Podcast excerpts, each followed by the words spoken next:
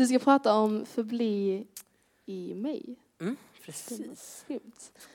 Får vi be för dig? Ja, gärna. Gör det. Grymt, det gör vi. Ja, Gud, tack för ännu en dag på Strandhem. Tack för Puls första riktiga dag. Tack för att vi får samlas här allihopa. Och tack för att vi ska få lyssna på Elias här på förmiddagen. Hjälp oss att samla våra tankar och känslor och vara närvarande här och nu under förmiddagen. Öppna våra hjärtan för dig, Gud, och vad du vill tala till oss. Vi ber för Elias. Be att du ska ge honom en lugnhet och en trygghet i detta. Be att han ska få lyssna in vad du vill säga till honom. Kom med din heliga ande över Elias just nu. Och låt honom få tala ditt ord. Vi lägger den här förmiddagen i dina händer Jesus. I Jesu namn. Amen. Mm. Det kristna livet står och faller med Jesus. När vi läser Johannes 15, som det här lägret eh, på något sätt centreras kring, så är det så tydligt hur Jesus placerar sig själv så centralt, liksom att han sätter sig själv i mitten på något sätt av våra liv. Och så eh, brukar det slå mig ofta när jag läser så här lite mer brevlitteratur i Nya Testamentet, alltså Paulus brev och lite annat sånt, hur eh, de på något sätt verkar kretsa kring Jesus eh, så mycket på något sätt, på ett sätt som nästan blir övertydligt eller löjligt. Så. Ehm, jag ska läsa ett stycke ur Kolosserbrevet kapitel 1. Ehm, um, Kolosserbrevet kapitel 1, vers eh, eh, 13. Eh, så står det så här om Jesus, skriver Paulus. Ehm, Han har räddat oss ur mörkrets välde och fört oss in i sin älskade sons rike. Och genom sonen har vi friköpts och fått förlåtelse för våra synder. Han är den osynlige Gudens avbild, den förstfödde i hela skapelsen. I honom skapades allt i himlen och på jorden, synligt och osynligt. Eh, troner och herravälden, härskare och makter, allt är skapat genom honom och till honom. Han finns före allting och allting hålls samman genom honom. Han är huvudet för kroppen, för kyrkan. Eh, han som är begynnelsen, förstfödd från de döda till att överallt vara den främste. Till Gud beslöt att låta all fullhet bo i honom och att genom hans blod på korset sitta fred och försona allt med sig genom honom och till honom. Allt på jorden och allt i himlen. Jag hoppas inte ni zonar ut nu, så det är lätt eh, sådana här eh, texter på något sätt. De är väldigt liksom, eh, oh, har den där, gött. Det är därför alla kollar upp, jag trodde alla bara zonade ut direkt. Vad bra. Um, Paulus har ganska lång argumentationsföring. Men man tror faktiskt att den här eh, snutten, den texten, att det är en sång som man sjöng i den första kristna kyrkan. Så det Paulus gör det är att han bara citerar en lovsång eh, från den första kyrkan på något sätt. Mm. Precis. Allt handlar om Jesus. Ehm. Vi går till Johannes 15, temakapitlet. Och så tror jag vi läser det igen också bara för att påminna oss om vad som står där. Kanske kommer upp här bak också. Gött. Eh, vi kan göra så att alla läser med faktiskt. Det brukar vi göra i min kyrka så att alla läser, eh, högläser samtidigt. Eh, så om ni bara läser med mig nu så läser vi det som står. Jag är den sanna vinstocken och min far är vinodlaren. Varje gren i mig som inte bär frukt tar han bort. Och varje gren som bär frukt rensar han så att den bär mer frukt. Ni är redan nu rena i kraft av ordet som jag har talat till er. Förbli i mig så förblir jag i er. Liksom grenen inte kan bära frukt av sig själv om den inte förblir i vinstocken så kan inte heller ni det om ni inte förblir i mig. Jag är vinstocken, ni är grenarna.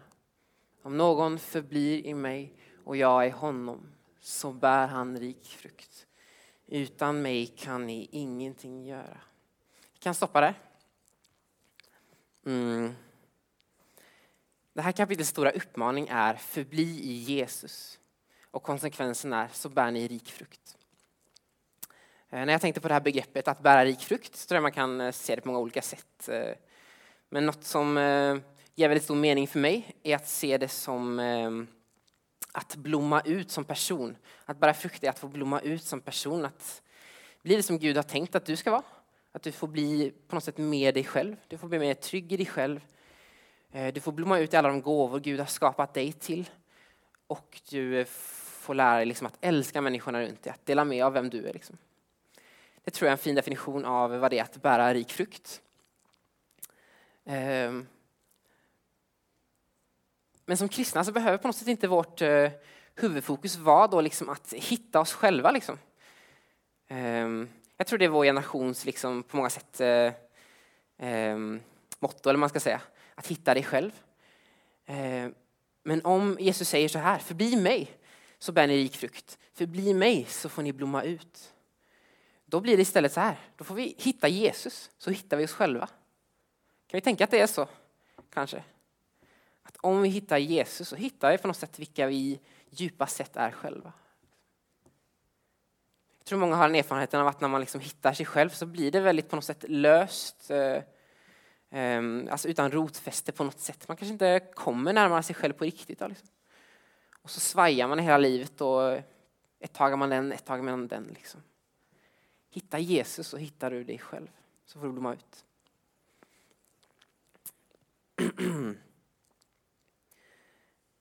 Mm. Det kristna livet handlar också mer om att ta emot än att ge. Det är det vi kallar nåd. Eh, det kristna livet handlar mer om att ta emot än att ge. Eh, det handlar liksom om att du på något sätt får vara på en plats där du får ta emot det Gud har att ge dig. Liksom. Um, um, men det innebär inte att det kristna livet är stillastående, att det är statiskt kallar man det. Liksom. Utan det kristna livet är aktivt, det är rörligt, det är dynamiskt. Um, det handlar om att ta emot, men det är inte ett passivt mottagande. Alltså det är inte att eh, på något sätt sitta hemma och vänta på att Gud ska liksom eh, förändra dig. Det är ett aktivt mottagande. Och det betyder att då får vi som kristna på något sätt eh, sätta en riktning i livet att jag vill göra mitt liv till liksom en plats på något sätt där Gud kan eh, förändra mig. Liksom. Att sätta sig på en plats där, Gud, där jag kan ta emot Guds nåd och godhet. Och med plats så kan man både tänka en yttre plats, alltså puls kan vara en plats där jag får ta emot av Gud. Eh, och det är verkligen något i det och så finns det något också med att det kan finnas en inre plats, alltså bildligt talat. Det kan finnas en, ett tillstånd i vårt inre när vi på något sätt lär oss att ta emot av Guds eh, godhet varje dag. Liksom. Um, då tror jag också att det här på något sätt, att, att vara på en plats där vi kan formas av Gud, det handlar väldigt mycket om vilka vanor vi sätter i vårt liv. Vad gör vi med våra dagar? Um, hur liksom, vad låter vi forma vårt liv? Man brukar säga så att alla människor har en gudstjänst. Alla människor har en gudstjänst. Frågan är bara vilken gudstjänst man har. Alltså, vissa gudstjänster är att gå till eh, shopping, eh, alltså till gallerior, liksom. kanske gå ut och handla. Då är det på något sätt det man fyller sig med. Då. Alltså, varje människa fyller sitt eh, tomrum på något sätt. Liksom. Då formar det oss. Eh, vissa människor sätter sig vid datorn och liksom låter det fylla tomrummet, eller vad man ska säga då formar det oss som människor. Men eh, var på en plats där Gud får forma dig som människa. Det är inget fel i att eh, shoppa eller spela dator, men liksom, vad, är det som definierar våra liv? Som, vilka vanor är det som liksom formar oss i längden? Då? Att göra sitt liv till god jord handlar om. God jord. Där eh, Guds ord kan få spira. Vi ska prata lite mer om det senare. Um. Idag ska jag prata om två olika på något sätt, sidor av det här. Liksom, hur kan vi, hur kan vi eh, sätta oss på en plats där eh, vi förblir i Jesus? Där han får forma oss. Två sidor av det här. Och den första sidan vi ska prata om är den yttre sidan, gemenskapssidan. Alltså eh, eh församlingen, gudstjänsten. Hur kan vi eh, sätta rutiner för vårt liv vad gäller församling, gudstjänst, gemenskap som formar oss som människor. Den andra sidan handlar om den personliga relationen till Gud. Eh, hur kan vi på något sätt eh, i vårt inre, i vårt vardagliga liv formas i vår bön, i vår bibelläsning. Ehm, de här sakerna går hand i hand tror jag. Man kan liksom inte ehm, isolera någon av dem från varandra. Ehm, Gemenskapsdelen utan det personliga livet, det blir utan någon djupare rot i oss. Liksom. Då blir det kanske bara grupptänk på något sätt. Och så fort man är ensam så är det svårt att ha ett djupare ankare i Gud. Liksom. Vi behöver den personliga relationen med Gud. Ehm, och ett, en personlig relation med Gud utan på något sätt gemenskapsdelen, utan en, en församling, utan gudstjänst, utan andra kristna. Den blir lätt väldigt självisk och självupptagen. Alltså, det kan lätt bli på något sätt att man ska skapa sin egen, liksom, eh, du ska lyckas som kristen. Man har en tendens att liksom hamna där om vi på något sätt inte eh, är i gemenskap, tror jag. Linnea, du kunde hämta lite vatten av mig. Jag blir lite törstig. Gött. Eh, att förbli gemenskapen ska vi prata om.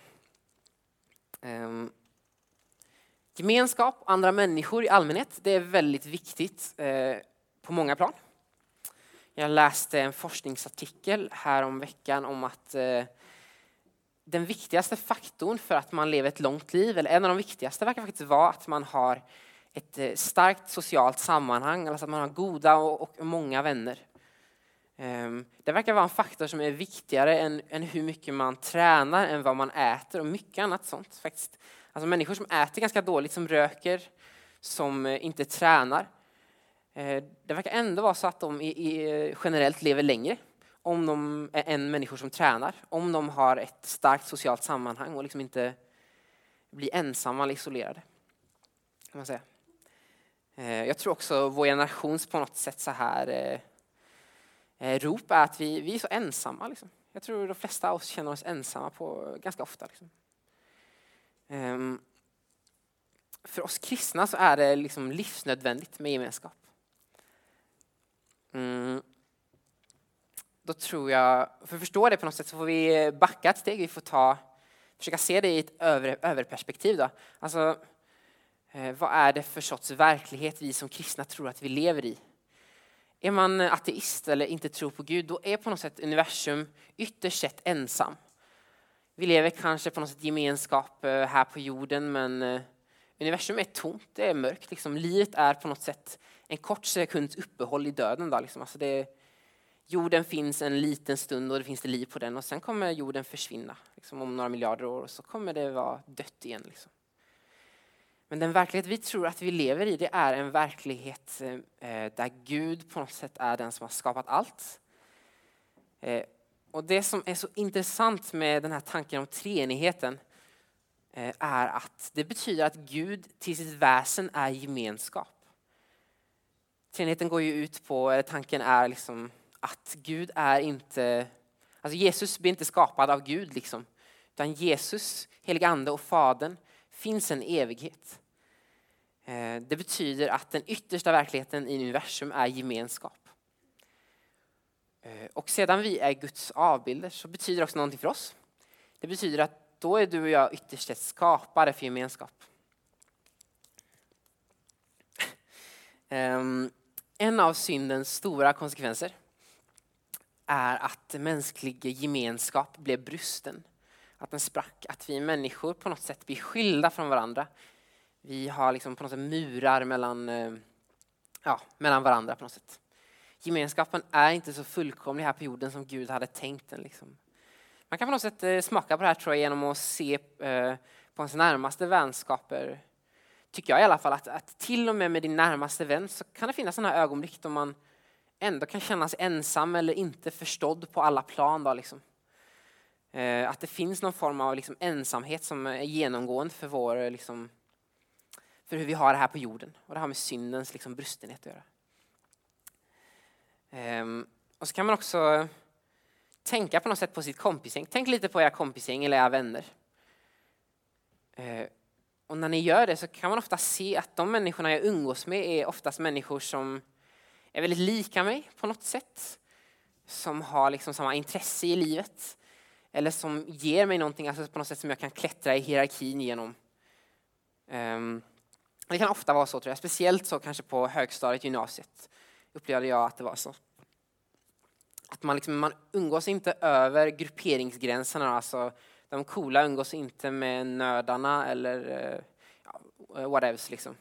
Jag tror det finns en sån, uh, sätt, uh, jag, jag, tror vi alla kan känna igen oss i det, det tror jag. Uh, och liksom det försvinner på något sätt senare i livet heller. Alltså, människor som är vuxna verkar oftast umgås med människor som liksom är i samma samhällsklass, som är i samma på något sätt, situation i livet. Så. Ehm, det finns något djupt brustet med vår eh, liksom, gemenskap. Alltså, vi har så svårt att på något sätt bryta, eh, att, att, känna gemenskap med människor. Liksom. Mm. Då är det som är så viktigt med församling, det som är så stort med församling, att eh, eh, då får vi på något sätt rotas i någonting som är så mycket större än oss själva. Ehm, vi får på något sätt lyfta ögonen från mitt lilla liv och se att jag är en del av ett folk, jag är en del av något större. Vi har ett syfte här på jorden på något sätt. Och, um, att förverkliga liksom, uh, en gemenskap som pekar på himlen. Uh, något som uh, jag tycker är väldigt talande som, eh, om det här. Liksom, det är den eh, eh bönen som man brukar be i Knislinge kyrka, heter det, Kvinge kanske.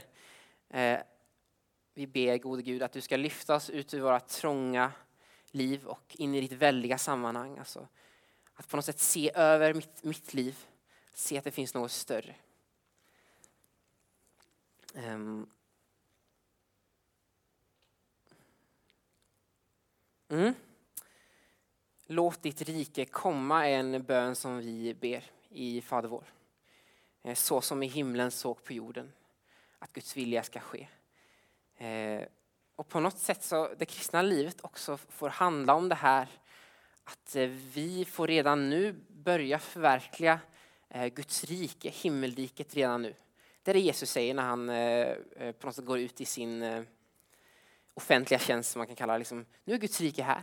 Så någonting har börjat. Det som ska vara fullt ut i himlen, den gemenskap som ska finnas där, den kärlek som ska råda eh, mellan alla människor, den får vi kristna börja gestalta redan nu.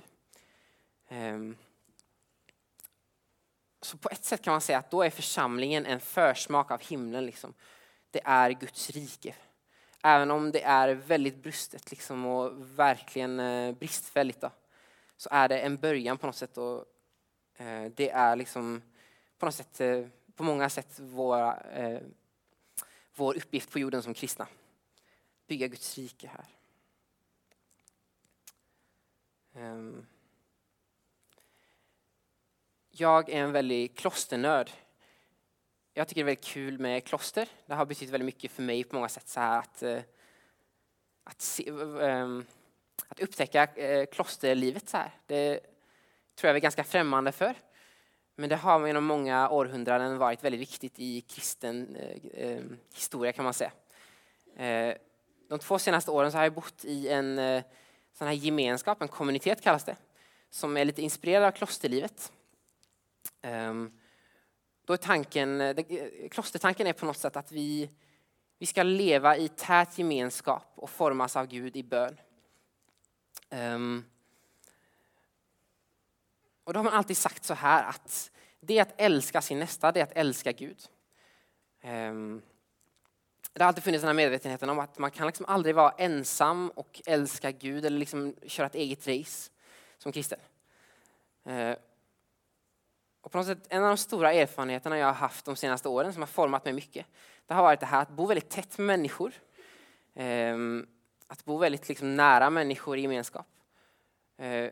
Och det har varit eh, jättejobbigt. För när man bor nära människor, när man umgås nära människor, så ser man, då, är det på något sätt inte, då lyckas man inte dölja sina brister, sina svagheter. Alltså i nära relationer med människor så verkar det som att våra, på något sätt, vår fruktan, våra komplex, vår ångest, liksom, den kommer upp till ytan och det går inte, inte riktigt att undvika det. Liksom. Um, man kan inte dra sig undan på samma sätt när man har en dålig dag. Eh, och det här tror jag är jättepositivt för det hjälper oss att se att vi är svaga, att vi är i behov av nåd. Det är jättecentralt. Och det är också, församling handlar mycket om det också. Alltså, umgås med andra kristna så att man på något sätt eh, så ser man ofta hur bristfällig man är, liksom, hur svag man är. Jag behöver nåd. Ehm, det tror jag är en viktig tanke med det.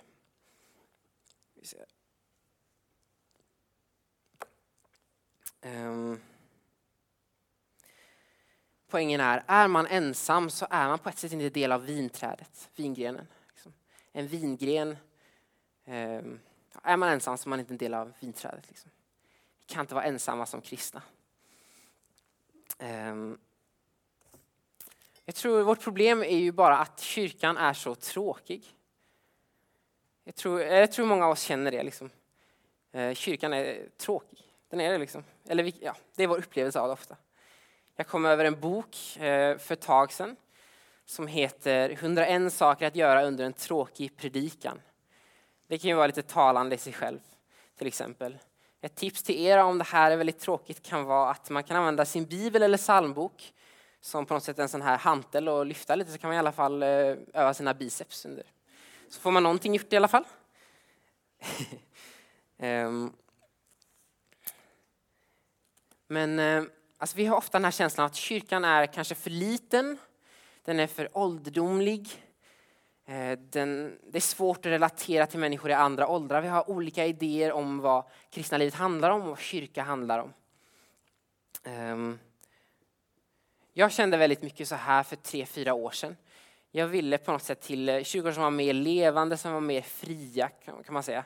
Det var min upplevelse så här att vill ha på något sätt mer lovsång, människor som upplevs mer fria och eh, större sammanhang. Då, kan man säga. Och så flyttade jag till Oslo och så har jag gått i en eh, kyrka som heter Philadelphia-kyrkan där. Det är Oslos största kyrka.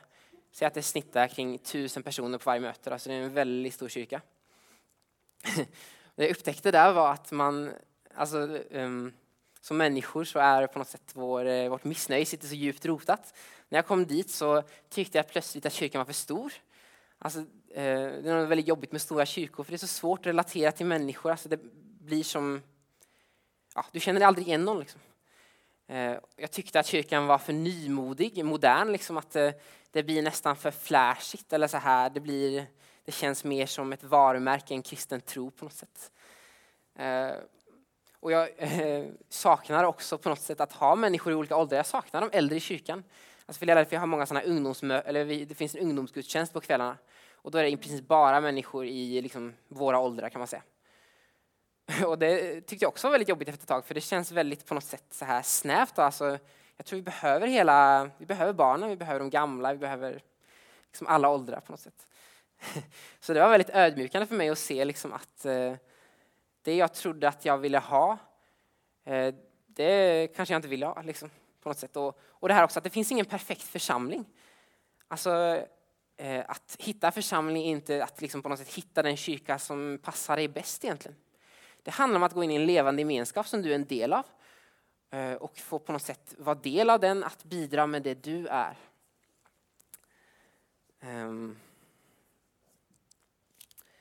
Det bästa rådet jag tror jag kan ge är ändå att eh, liksom, oavsett hur din kyrka är, säg att den är stentråkig, bara gamla människor, så gå ändå. Ehm, det gör något med dig även om du inte tror det. Liksom. Ehm, gå ändå. Och försök att engagera dig på något sätt. Fråga om du kan göra någonting. Det är viktigt att vi får ett ägandeskap i våra församlingar, att vi liksom eh, känner att det här är en kyrka som jag är med och skapar och gör. Det är liksom inte prästen som eh, är den som skapar församlingen eller som ska göra allt. Det är på något sätt hela den kristna gemenskapen. Och även om det är något så litet som att hjälpa till med kyrkfikat så eh, se om du kan få en uppgift på något sätt. Det hjälper oss att liksom på något sätt bli en del av, eh, se att vi är en del av kyrkan. Eh, och sen kanske ändå frågan kommer till, alltså, finns det tillfällen när man ändå ska byta kyrka? Och det är en svår fråga tror jag. Den handlar mycket om så här, vilken situation man är i. Det kan skilja sig så mycket så det kan jag inte ge något svar på. Men jag tror allt som oftast att eh, bli kvar där du är. Liksom. Jag, jag, tror det är väldigt gott råd. Liksom. Eh, det tror jag. Kanske din kyrka behöver just dig. Kanske du är liksom på något sätt, kanske du ser någonting som din kyrka inte ser. Så får du försöka det bästa du kan på något sätt att utgöra den skillnaden i sådana fall. Om du är i en kyrka du trivs i, var gött. Bli kvar i den. Eh, den kristna gemenskapens största och tydligaste uttryck är gudstjänst. Den kristna gemenskapens största uttryck är gudstjänst. Kristna har sedan eh, urminnes tider firat gudstjänst. Det går tillbaka ända i judisk tid till sabbaten. Ehm, vi träffas en gång i veckan, alla kristna. Liksom. Och här får eh, på något sätt, eh, det här är gemenskapen och det är på något sätt det här kristna ja, den kristna gemenskapen ska gestaltas som tydligast. Um, gudstjänst uh, har på något sätt, för mig har det blivit viktigare och viktigare. Jag har insett att uh, ja, uh, det finns mycket att växa i gudstjänst kan man säga. Um, det Daniel pratade om igår, det är bland annat, han sa något väldigt bra om det här liksom att um, Gud sitter ju alltid på sin tron Eh, om vi förstod hur sjukt det är, liksom, på något sätt, det vi har i tron, vem Gud är, då hade eh, vi inte tyckt att de kristna sakerna var så tråkiga.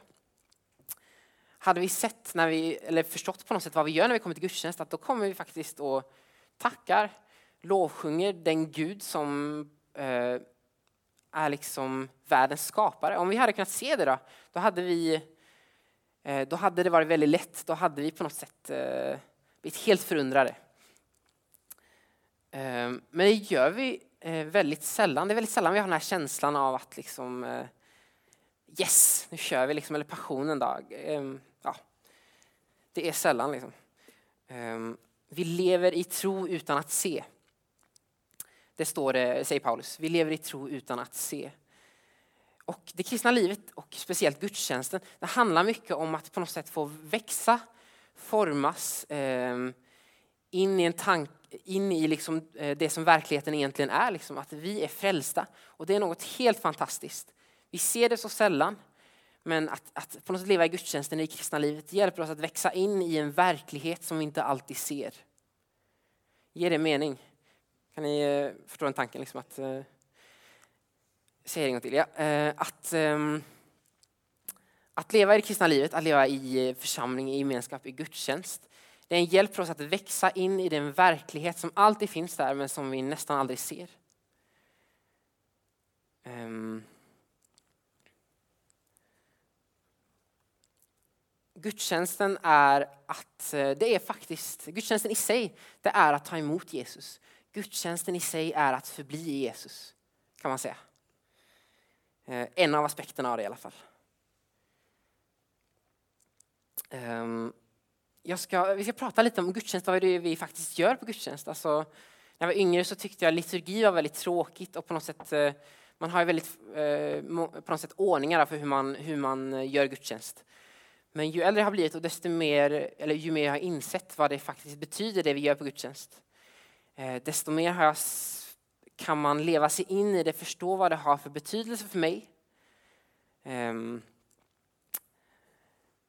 vi kan slå upp uh, första Korintierbrevet 10, kapitel, uh, kapitel 10, vers 16. Första Korintierbrevet 10, vers 16.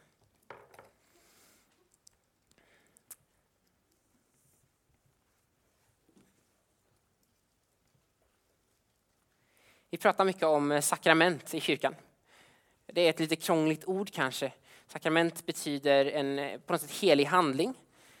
Eh, och eh, det, i vidare perspektiv så betyder det att eh, det är ett speciellt sätt som Gud har låtit oss möta honom genom, eller ett, ett, ett, sätt som vi kan möta Gud genom på ett speciellt sätt. Liksom.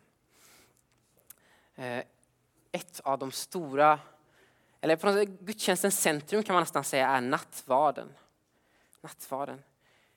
Jag kommer ihåg att nattvarden alltid har på något sätt varit ganska gåtfull för mig. Jag har aldrig helt sett vad den innebär. Och så är det till stor del fortfarande. Det är något väldigt på något sätt så här mysteriskt över det. Liksom. Ehm, men jag har insett att det finns något så djupt i nattvarden på något sätt. En, en djup symbolik och något som faktiskt händer i nattvarden. Ehm, så här skriver Paulus. Välsignelsens bägare som vi välsignar. Är den inte gemenskap med Kristi blod? Brödet som vi bryter, är det inte gemenskap med Kristi kropp? Alltså den kristna synen på nattvarden, eh, på måltiden, är att det är faktiskt ett möte med Jesus. Det är att ta emot Jesus. Och hur det här sker rent tekniskt, det är väldigt svårt för oss att förklara. Det sker på ett sätt som vi liksom kanske inte kan sätta ord på, på, liksom, på ett logiskt sätt. Eh, men det är någonting som händer lika väl. Eh, det är någonting vi också får ta emot i tro, att jag tar faktiskt emot Jesus när jag tar emot brödet och vinet. Och så står det sen i versen efter, vers 17. Eftersom brödet är ett och vi eh, är vi som är många en enda kropp. För alla får vi del av ett och samma bröd. När vi förenas med Kristus, då förenas vi med varandra. När vi förenas med Kristus, då förenas vi med varandra. Ehm, man kan säga att nattvarden det är på något sätt eh, den kristna enhetens allra tydligaste liksom, eh, eh, klimax, då, man ska säga. Ehm, en, jag läste om veckan, det var någon som skrev så här att på nattvarden så kan jag ibland känna det som att allting är som det eh, borde vara, allting är som det ska vara. Liksom att eh, vi är som jämlikar inför ett bord, vi får ta emot någonting. Det finns en gemenskap i nattvarden som den kristna gemenskapen kanske blir tydligast av allt i nattvarden. Ehm. Eh, och nattvarden pekar både framåt och bakåt. Man, kan säga det, man kallar nattvarden en minnesmåltid. Jesus säger, gör det här till minne om mig. Eh, nattvarden kopplar an till den judiska påsken.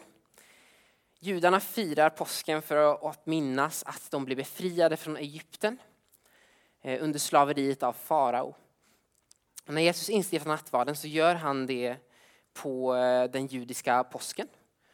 Eh, och det är som att han sätter en symbolik i det att eh, ni ska inte längre fira den judiska påsken.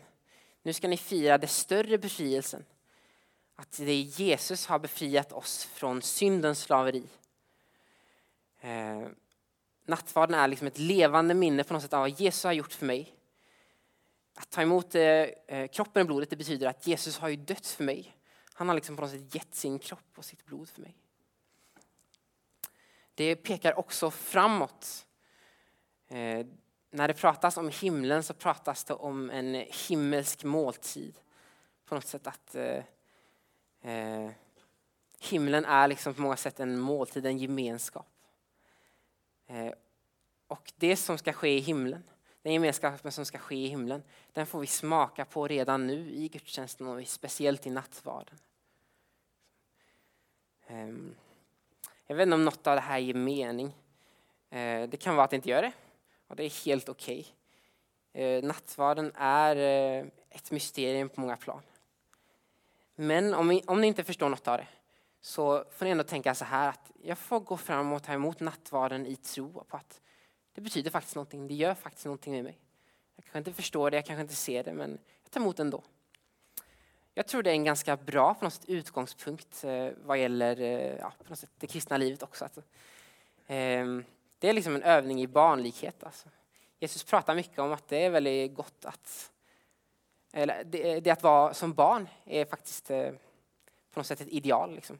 Att eh, ehm, vi är i en position när vi förstår att vi vet inte så mycket. Vi vet bara att Gud är god, att han gillar mig på något sätt. Och det är en bra utgångspunkt på något sätt. Så. Det gör inget om du inte förstår någonting av det. Um, under gudstjänsten så lyssnar man också till en predikan. I Romarbrevet eh, kapitel 10, vers 18 tror jag, så står det att eh, tron bygger på predikan och predikan på Guds ord.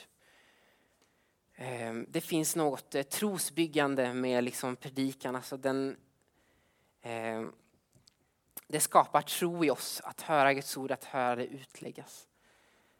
Ehm, så tror jag att vi ofta har på något sätt en form av missnöjes liksom, anda över oss vad gäller predikan eller så. Ehm, jag tror att vi ofta på något sätt tänker att vi ska recensera predikan. Då. Eller så här, det handlar så mycket om på något sätt, tyckte jag den här predikan var bra? Ehm, ja, jag vet inte, jag håller inte med om det här. Och, så. och såklart ska man kunna få prata om vad man tyckte om predikan. Alltså, alltså, vad håller jag med om och vad håller jag inte med om? Men låt huvudfokuset få vara, vad kan jag ta emot av den här predikan? Alltså, inför ordet, inför predikan. Eh, ha en ödmjuk mottagande ställning. Finns det någonting jag kan ta emot och på något sätt applicera i mitt liv? Finns det någonting Gud vill peka på i mitt liv? Jag tror att även den tråkigaste predikan eh, kan ha någonting att säga till dig. Eh, de allra flesta predikningar har det, det tror jag verkligen. Ta fasta på det på något sätt. Kan Gud tala till mig, i alla fall genom något litet? Ehm, precis. Det är så lätt att vi på något sätt går in i kyrkan med det här Eh, konsumenttänket, liksom att eh, jag är här för att på något sätt eh, få underhållning och så ska jag recensera det på något sätt. Så här.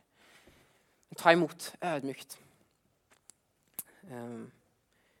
Och jag har kämpat väldigt mycket med det här själv så jag ska liksom inte på något sätt få predika för mig själv också. Jag är ofta väldigt så här kan vara väldigt så analyserande och innan någon börjar prata, ibland beroende på vilket sammanhang det är, så kan jag vara väldigt så här på något sätt.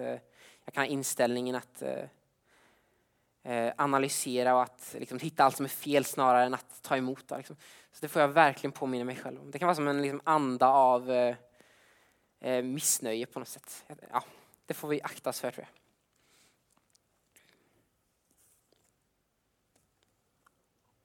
jag. Mm. Sista grej. Syndabekännelsen är också en del av gudstjänst. Eh, syndabekännelsen är jätteviktig också, det tror jag. Eh, det hjälper oss att leva uppriktigt i förlåtelse, ärligt. Ehm, syndabekännelsen är liksom inte det är inte Guds krav för att du ska få förlåtelse. Du är förlåten, du är ren. Så här säger Jesus ehm, när han, ehm, ska vi se, när han tvättar lärjungarnas fötter. Så säger han så här. Eh, den som har tvättats en gång behöver bara tvätta fötterna. Eh, typ så, säger han. Eh, och vad vi tror att det betyder är att eh, när du har döpt så är du ren, du är liksom förlåten. Men för vår skull så behöver vi liksom eh, åter, om och om igen, tvätta våra fötter som i att vi behöver för vår egen skull bekänna våra synder. Vi behöver se att vi har gjort fel. Det är en hjälp för oss att leva ärligt, det är en hjälp för oss att leva på något sätt uppriktigt, att vara ansvariga för våra liv. Ehm. Och, och, också att ta emot förlåtelsen. Alltså, det kan vara något oerhört befriande att få höra orden eh, i Jesu Kristi namn säga dig, du är förlåten. Det är också det bikten handlar om. Alltså med synder som är tyngre eller som eh, på något sätt har rotat sig i våra hjärtan, alltså en skam som eh, vi inte blir av då, liksom, med på något sätt genom att själva be om syndernas förlåtelse eller få höra på gudstjänsten. Då kan det vara jättebra att få höra en präst säga personligen liksom, att jag har hört vad du säger. Eh, den synd du tror liksom inte kan förlåtas, den är förlåten i Jesu namn. Liksom. Ni kommer få möjlighet till bikt tror jag på kvällarna här under läget och det är verkligen ett tips om du känner att det finns en skam på något sätt eller skuld djupt rotad i ditt hjärta. Liksom. Um. Yes, vi tar en paus. Yes. Då kör vi igång. Precis, nu har vi pratat om eh, kristen tro, det kristna livet ur ett eh, gemenskapsperspektiv, ur ett gudstjänstperspektiv. Eh, vi ska prata nu på det mer personliga planet om det inre livet med Gud, som man kan kalla det kanske. Eh, men det som är väldigt fint att komma ihåg då är att ehm, eh, om man inte upplever att man har en personlig relation med Gud eh, eller om man kanske är inne i en period då det kristna livet känns som en öken eller väldigt dött. Då kan man faktiskt låta gudstjänsten och församlingen få bära en, det tror jag.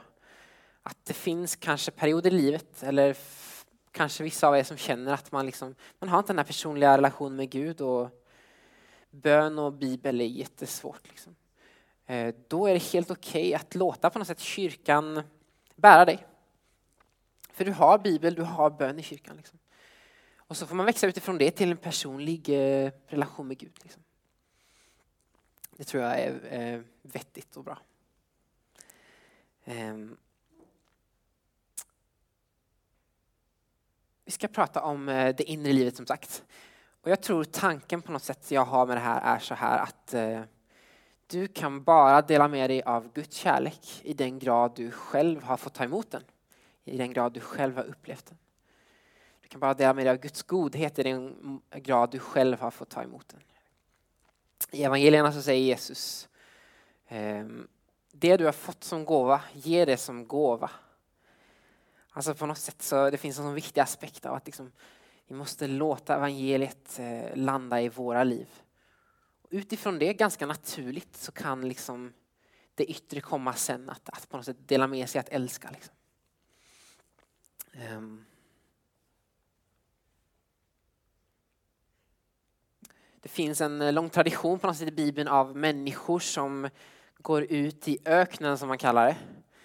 Ehm, det börjar kanske med eh, Mose, många av profeterna eh, som går ut i öknen på något sätt för att förberedas inför sitt uppdrag. Alltså Mose är i öknen i 40 år. Det är ganska länge. Och man brukar på något sätt tänka att det är på många sätt Moses förberedelseperiod. Det är då han på något sätt får lära känna Gud. Han får eh, liksom, ja, Gud får landa i djupet på honom. Han får bli ödmjuk, förkrossad inför Gud på något sätt. Eh, och så om vi ser på Jesu liv, innan Jesus eh, offentliga liksom, tjänst började, man ska säga, innan Jesus börjar gå omkring och göra saker, hela människor och, och predika och sånt, så går Jesus ut i öknen. Han går ut liksom för att pröva sig djävulen, står det. Paulus har också en eh, period på två år när vi faktiskt inte vet vad han gör. Han bor i Antiochia Typ, och så står det inget om honom på ett tag och det man kan tänka då, kanske vi kan bara spekulera i det, men det är att han eh, på något sätt eh, tog ett steg tillbaka. Eh, han läste, liksom, på något sätt försökte förstå skrifterna i det här nya ljuset eh, när han hade blivit kristen. Liksom.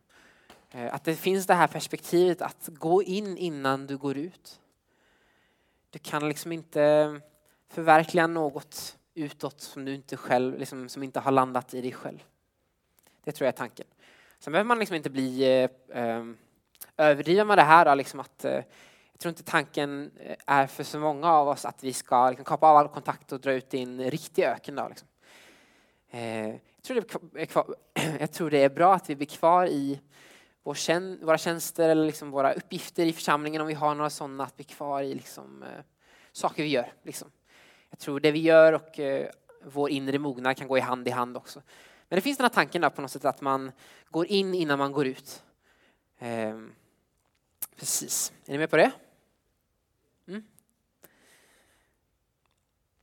Eh, vi ska prata lite om det här. Hur kan man formas på något sätt i det inre? Alltså hur kan vi som sagt göra vår, eh, vårt liv till god jord? Hur kan vi få vanor som låter oss präglas på djupet av Guds kärlek? Då, liksom? Hur kan vi ställa oss på en plats där vi får ta emot Guds nåd? Ehm, I vers 7 i det här kapitlet, eh, Johannes 15, som eh, lägetemat utgår ifrån, så står det så här. Om ni blir kvar i mig och mina ord blir kvar i er, så be om vad ni vill och ni ska få det. Ehm, det verkar som det finns någon sån här eh, likhetstecken mellan att bli kvar i Jesus och att låta hans ord bli kvar i oss. Um, när man pratar teologi också så pratar man om det här att Jesus på något sätt, han är ordet. Liksom, I början av Johannes evangelium så står det att i begynnelsen fanns ordet. Och det här är på något sätt Kristus. Så det finns någon sån mystisk betoning på det här som vi inte alltid kanske kan förstå. men att alltså, bibelordet är så tätt sammankopplat med Jesus. Liksom. Um, jag ska läsa ur Markus kapitel 4, vers 20 en väldigt känd liknelse som Jesus berättar. Det är liknelsen om såmannen. Ehm, vi se här. Och så när Jesus förklarar den här liknelsen, eh, han berättar om det här att det finns, eh, Gud är som en såman som går ut, han strör ut sitt ord på något sätt. Och människor tar emot det här men de tar emot det på olika sätt. Och i många fall så blir inte det kvar i människans inre så att det får bära frukt. Men så skriver han som här om den som har eh, tagit emot Guds ord i god jord. Tagit emot sådden i god, ord. god jord. Men de som tagit emot sådden i den goda jorden, det är sådana som hör ordet och tar det till sig och bär frukt trettiofalt, sextiofalt och hundrafalt. Det finns något med Guds ord som faktiskt förändrar oss. Alltså, Bibeln är, eh, man kan se Bibeln på många plan. Bibeln är liksom en historia. Eh, Bibeln, eh, det finns alltså etiska på något sätt, det finns eh, vishetsgrejer vi kan lära oss av Bibeln. Men Bibeln är något mer också. Det finns något i Bibeln som på något sätt eh, formar oss, som förändrar oss. Um, hur kan vi eh, låta vår inre, vårt inre bli god jord? Alltså? På något sätt, försök låta din bibelläsning eller det du hör på predikan, låt det bli kvar i ditt inre också. Alltså, låt inte Guds ord bli någonting som du bara gör när du läser Bibeln. Utan låt det få vara någonting som finns kvar i dina tankar. Ehm, ett bra tips jag hörde om det, alltså, ehm, om du har läst liksom en kort vers, så tänk på den under veckan som går. Vad betyder det? Liksom? Vad betyder det att eh, jag är vinstocken och min fader är vingårdsodlaren? Det betyder att vi inte kan göra någonting utan Jesus? Ehm, det måste få liksom på något sätt eh, prägla våra tankar. Bibeln pratar om att eh, vi kan få våra tankar förvandlade. Det står anpassa er inte efter den här världen utan låt er förvandlas genom förnyelsen av era tankar. I Romarbrevet 12. Låt Bibeln på något sätt få förändra ditt sätt att tänka på. Liksom. Daniel pratade om det igår att eh, det är inte eh, allt vi hör här i världen som är liksom på något sätt Guds sätt att tänka. Det finns en världlig, världslig vishet. Och så finns det Guds vishet på något sätt. Vi får omställa våra ögon, se världen så som Gud ser den. Ehm, jag ska läsa ur andra Timoteusbrevet eh, kapitel 3, vers 15 till 17.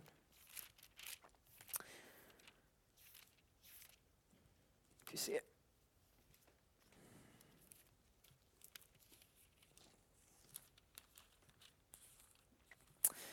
Jättespännande text. Det står så här. Eh, och du känner från barndomen de heliga skrifterna som kan göra dig vis så att du blir frälst genom tron på Kristus Jesus. Hela skriften är utandad av Gud och nyttig till undervisning, till rättavisning, upprättelse och fostran i rättfärdighet. Så att gudsmänniskan blir fullt färdig, väl rustad för varje god gärning. Alltså, bibelordet har en förmåga att liksom leda dig till det goda i livet, att leda dig till ett rättfärdigt liv. Tänk på det ändå.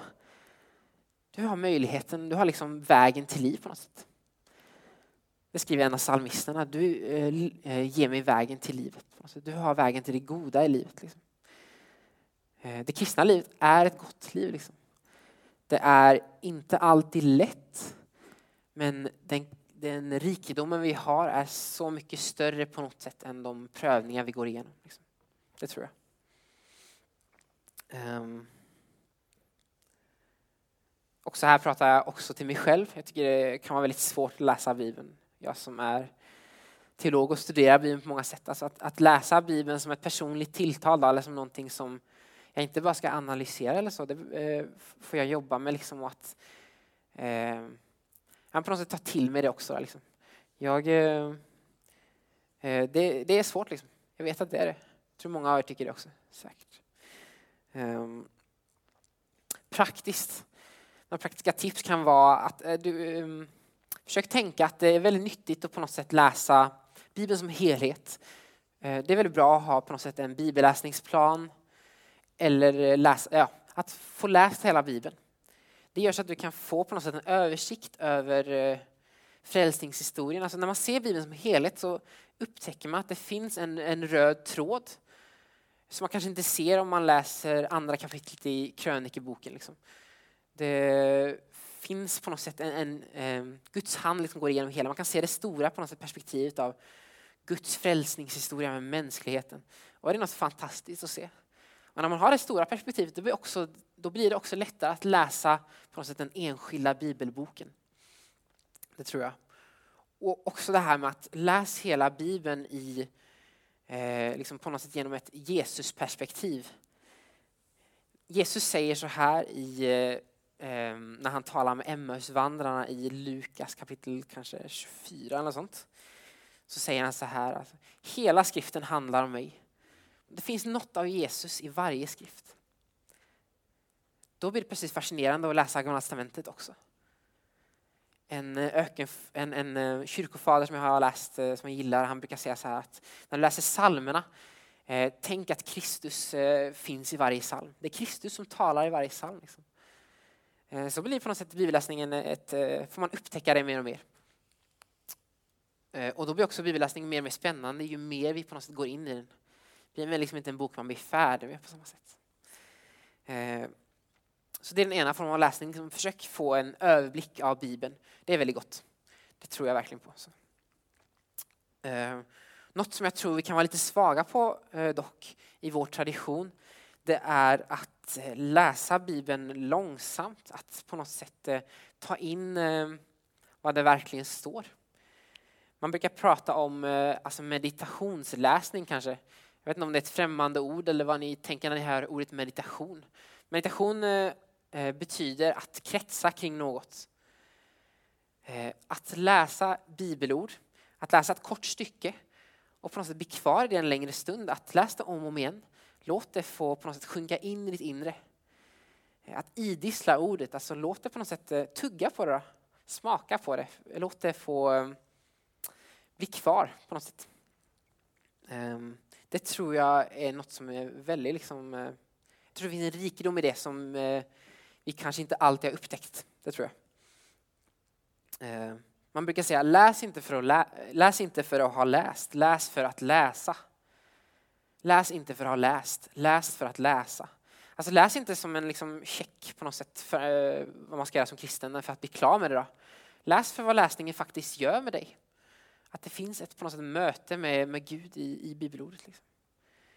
Um. Jag har läst kyrkohistoria, alltså på något sätt vad, vad man tänker vad man har tänkt genom Gud i olika tider, hur kyrkan har sett ut i olika tider så har det varit jättespännande att se vad de första kristna tänkte om, om bibelläsningen och ordet. Så tänkte de så här att ordet är, ja, som sagt, det är inte bara en berättelse, det är inte bara livsråd, det är ett möte med Gud. Liksom. Varje gång vi läser ordet så möter vi eh, Gud. Liksom.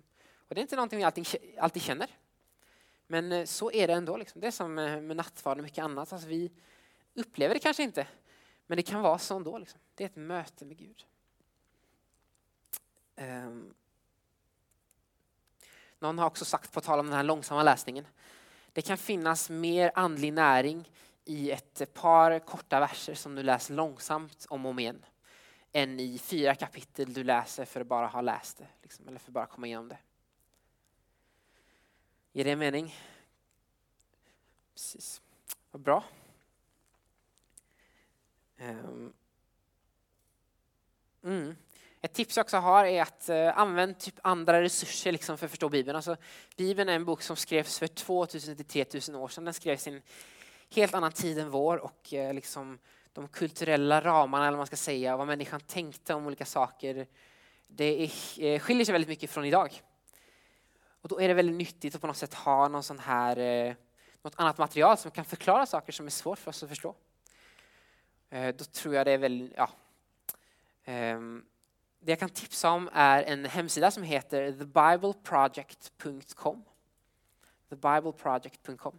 Det är en hemsida som eh, de försöker att eh, illustrera Bibeln genom så här, eh, alltså det är typ videor med typ kul comics. Jag vet inte, det är jättebra i alla fall. De förklarar lite djupare vad en bibelbok handlar om. Liksom, så det tipsar jag verkligen om.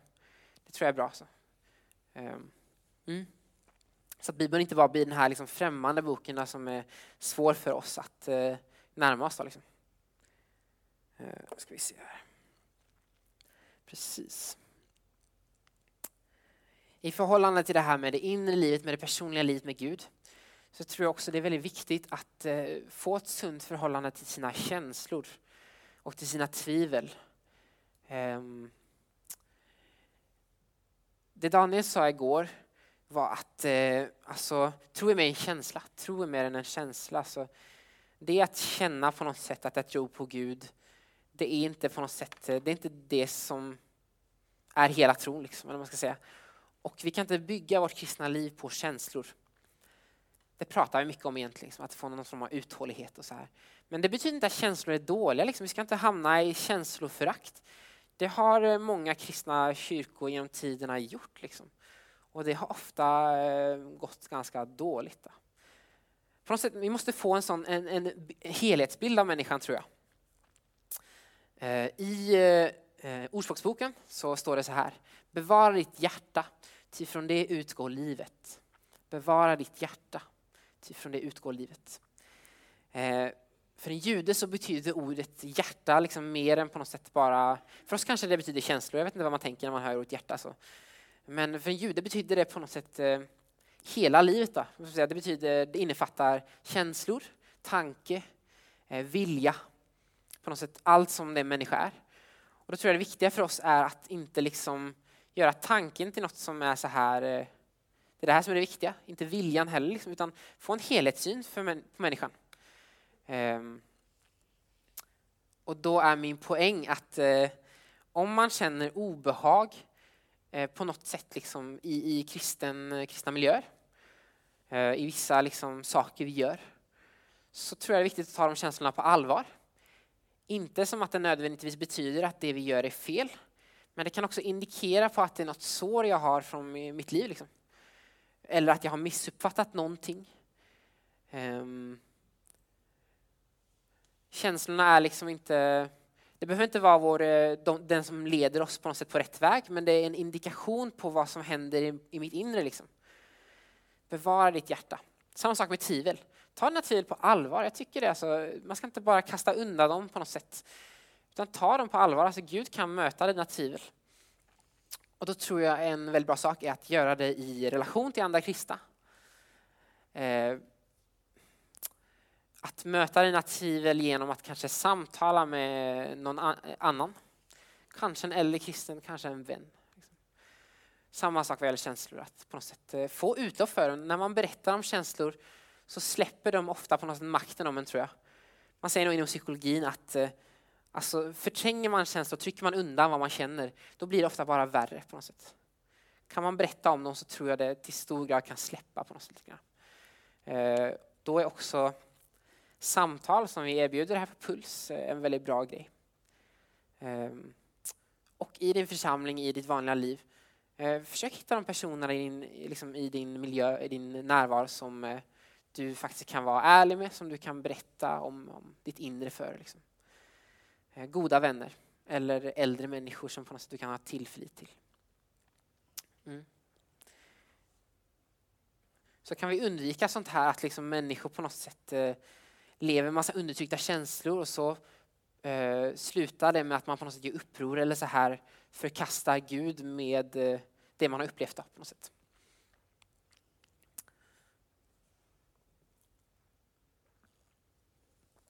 Mm. Vi ska prata om bön också. Eh, vad tänker ni när ni hör ordet en andlig person? Hur tänker ni att en andlig person är? Ni kan vända om eh, två, två eller något sånt, tre, tre och prata om vad, vad är det första som ni får i huvudet när ni hör andlig person. Jag kan tänka att många av er kanske... Är det så att ni kanske har en bild av en andlig person som någon som är lite distant kanske? Kan man känna igen sig i den bilden att det är en person som är, svävar lite ovanför andra på något sätt, som är lite otillgänglig kanske? Känner någon igen sig i det kanske? Det kan jag göra i alla fall, det kanske är det man jag, jag tror det är, det är en lättsam missuppfattning vi har av andlig person och bilder liksom av andlighet. Då. Andlighet är det ordet man kanske kan använda för att på något sätt prata om, om bön och om vårt förhållande till vår inre och eh, eh ja, på så sätt. Det som är eh, intressant eh, när vi läser evangelierna, det är eh, hur Jesus är i förhållande till människor. Låt oss bara stanna upp ett ögonblick och tänka på hur Jesus bemöter människor. Eh, och den tillgänglighet som finns hos Jesus. Alltså, Jesus kanske är den mest tillgängliga människan som någonsin har levt. Eh, om vi tänker att Jesus på något sätt är vår andliga förebild, alltså han är den som eh, visar hur vi ska växa som personer. Ehm, vad säger det oss om, om sann andlighet då? Liksom? Innebär det då att vi ska sväva på ett moln, att vi ska vara lite distanta från verkligheten i en annan värld? Eller kan det vara så att om vi hittar en sann andlighet, ett sant böneliv, så leder det oss inte bort från människor, det leder oss närmare människor. Jag tror det är så. Jag tror eh, det finns något, eh, eh, något om, av det här med på något sätt tillgänglighet. Liksom att, eh, säg så här att ett bra stickprov på om du har rätt riktning på något sätt med hur du växer med Gud. Alltså om, om ehm, du har liksom blir mer lik Jesus. Ett bra stickprov på det är, blir jag mer tillgänglig, mer närvarande hos människorna runt mig? Blir jag mer närvarande för människorna i min, när, liksom i min omgivning? Eller blir jag mer distant? Blir jag liksom, drar jag mig undan människor? Um, jag tror att bra stickprov på något sätt är på väg åt rätt håll. Och se om eh, Guds avbild i människor. Liksom. Kan jag se att varje människa jag möter, det är faktiskt Guds avbild. Det är någon som är älskad. Liksom. Kollar vi på Jesus kan vi se att det, liksom, det är så genomgånget för hur han bemöter människor. Att det, varje människa är liksom viktig. Och det är liksom kanske inte lika glamoröst som man ibland tänker på något sätt, det här andliga kristna livet. Då. Jag, vet, jag kommer inte ihåg vad jag tänkte om andlighet för några år sedan, men man hade någon form av sån här lite vad ska säga, romantisk bild av vad det är att vara en bra kristen eller en superkristen. Alltså att, eh, men tänk att andlighet kan vara något så, på något sätt simpelt, något så vardagligt som att vara närvarande bland sina vänner. Liksom. Finns där för dem, både i liksom, det, det, vanliga livet och när de behöver hjälp. Liksom. Eh, yes. Alltså man kan närma sig den här bön på många olika vinklar, man ska säga. Ehm, jag ehm, lyssnade på ett sommarprat här om veckan av eh, Sveriges eh, katolska biskop. Han heter Anders Arborelius.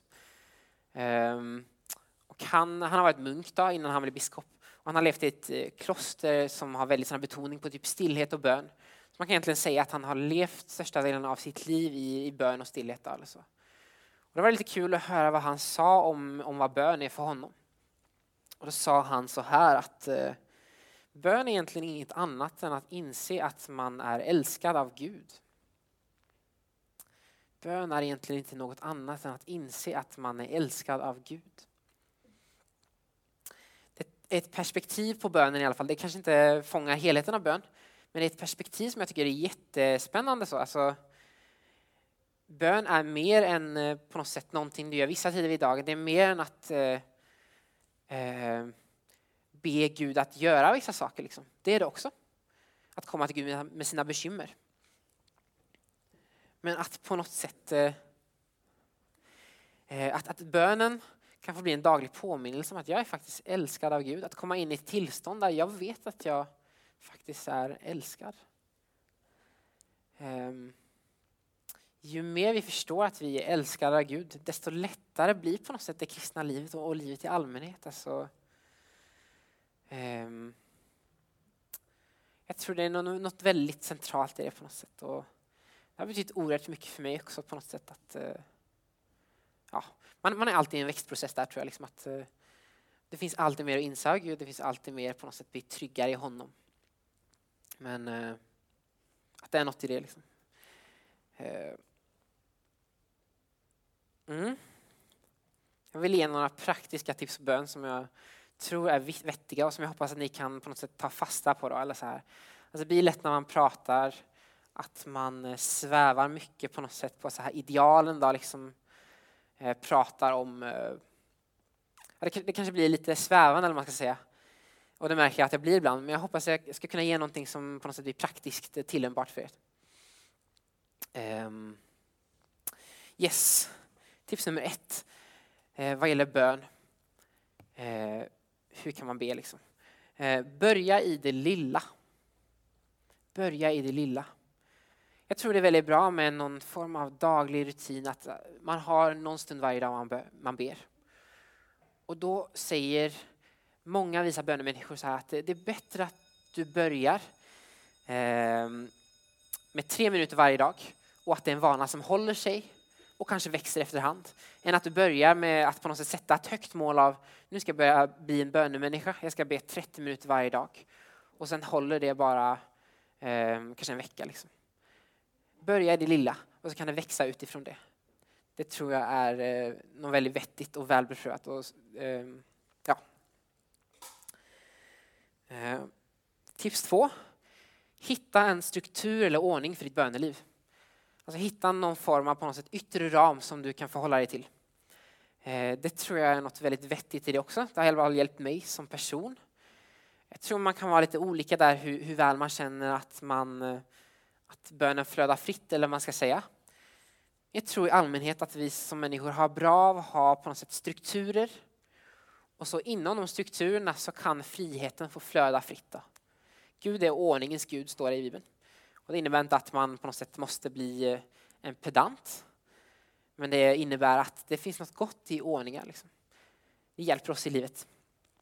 Då kan ett tips vara att eh, ja, men ha en supersimpel ordning. Typ eh, ha tre punkter i din dagliga bön. Då. Börja med till exempel lovprisning.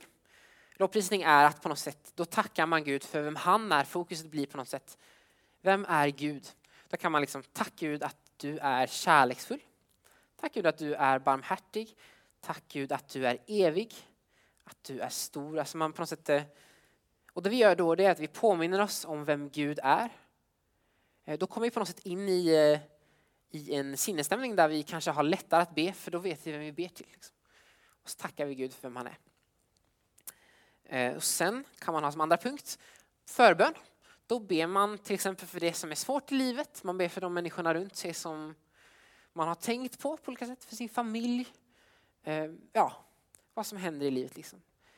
Och så kan man avsluta med tacksägelse och då tackar man Gud för eh, det man kanske har, ja, det han kan ha gjort. Man kan tacka Gud för att jag får leva. Tack Gud för att jag har en familj. Tack Gud för att jag får vara frälst. Det finns alltid någonting att tacka Gud för. Att tacka Gud hjälper oss på något sätt att komma in i en världsbild och vi blir tacksamma och ser vad vi har. Eh, tre simpla steg, lovprisning, förbön, tacksägelse. Ehm, om du bara på något sätt bestämmer dig för att följa det här så tror jag att det, det, kan bli en språngbräda eller någon form av grund för dig att bygga ett böneliv utifrån. Och det behöver inte vara så långt liksom. Ehm, men ja, hitta en ordning. Ehm, en andaktsbok vill jag också tipsa om. Det tror jag kan vara väldigt bra Speciellt om man ser att man är nykonfirmerad eller alltså förra året då, liksom, och har svårt att hitta någon rytm så vill jag verkligen tipsa om andaktsböcker. Det hjälpte mig mycket. Ehm, till exempel så har ELU en egen andaktsbok som heter Accent. Ehm, den ligger där ute precis. Den kan man köpa för en rimlig penning. Det, det, är bra. Jättebra. Till tips eh, är att använda namnet Jesus eh, det har funnits en kristen tro genom alla tider på att det finns något speciellt med namnet Jesus. Alltså, eh, namnet Jesus är på något sätt namnet över alla namn. Och en väldigt vanlig bönemetod i andra kyrkor och tidigare i på något sätt den kristna historien har varit det här att på något sätt bara påminna sig om namnet Jesus i vardagen. Eh, det man ofta har gjort är att be den bön som kallas Jesusbön som den blinde tiggaren i, i eh, evangelierna ber. Den eh, låter så här cirka. Herre Jesus Kristus, du Guds son, förbarma dig över mig. Och i ortodox tradition till exempel så har det på något sätt varit en bön som man övar sig att be hela tiden nästan. Liksom att den får på något sätt ligga på tungan hela tiden. Det man har försökt, eh, um, det man har tänkt på då eller försökt realisera är det här som står i första Thessalonikerbrevet kapitel 5, vers 17. Eh, då står det be ständigt. Ehm, för mig har det faktiskt det har, det har varit jätte, jättebra för mig på många sätt. Så att eh, komma in i en vana då jag liksom, vad jag än gör så försöker jag på något sätt bara nämna namnet Jesus ibland. Att det på något sätt det kan få vara en hållpunkt, en fast punkt i vardagen på något sätt att komma tillbaks till. Eh, eh, vem är tillvarons centrum och liksom, det faktiskt gör någonting med oss. Att liksom, eh, ja, det kan låta som en besvärjelse, det är det inte. Men det är liksom, det är på något sätt en hjälp att hålla sig nära Gud, att hålla sig nära Kristus, att på något sätt påminna sig om vem man är. Liksom. Ehm, mm. Precis. Um, en person som heter Lorenz av uppståndelsen, han var munk på typ kanske 1600-talet. Han har sagt så här. Ehm, För mig är det ingen skillnad mellan bön och arbete. I stöket och tjattret på jobbet där människor ropar i mun på varandra äger jag samma stillhet i Gud som när jag står inför nattvarden och tar emot honom. Att den kristna på något sätt så här bönehistorien, kristna bönemänniskor kan vittna ibland om det här att det går att komma in i ett tillstånd av bön. Alltså där vi på något sätt alltid är medvetna om att Gud finns nära. Liksom. Um, jag vet inte om det säger någonting, det kan vara ett skyhögt ideal på något sätt, men man kan få tänka sig att man eh, går i den riktningen på något sätt att inte nödvändigtvis be med ord hela tiden, men att vara, i, vara medveten om att Gud är närvarande hela tiden. Liksom. Det tror jag bön kan vara. Ehm. Mm. Och ha ett längre perspektiv på ditt böneliv. Punkt nummer fyra. Alltså det händer inte över natt att man liksom blir en, eh, ja, att man får ett djupt böneliv, att man får en djup relation med Gud. Liksom, det tar tid att grunda och du har ett långt liv på dig. Liksom. Men börjar du i det lilla nu så kommer det ge utslag om 20-30 år. Liksom, så kommer du eh, ha växt. Det kommer du. Liksom, även om du inte ser det dag till dag så växer man över tid. Liksom. Ha ett längre, längre perspektiv. Um. Mm. Det sista jag vill säga om på något sätt, alltså hur kan vi eh, leva eh, ett liv där vi förblir i Kristus? Hur kan vi göra våra liv till god jord formas av Gud? Det är att eh, vila. Vila.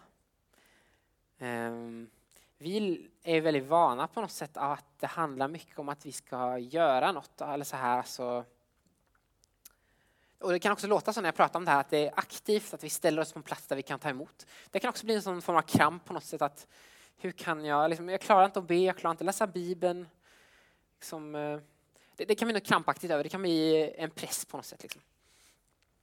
Um, och då tror jag att vi kan lära oss någonting av att möta Gud i vilan. Uh, det, samma sak gäller som jag sa i början, alltså det kristna livet handlar mer om att ta emot än att ge. Det handlar mer om att ta emot än att ge. Liksom. Och du kan få vara på, du, kan, du har lov liksom att, att vila eh, och att inte säga ett enda ord till Gud på något sätt. Men bara vara medveten om att han älskar dig. Liksom. Um, det kan vara en övning i att vara prestationslös, alltså som ett barn inför Gud. Gud älskar dig oavsett. Ja, det gör han.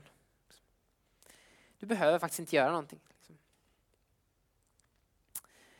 man kan göra det så enkelt som att, alltså böneliv som kan bli en sån press, man kan göra det så enkelt som att man lägger sig ner, man slappnar av och så kan man tacka Gud för att man får andas luften.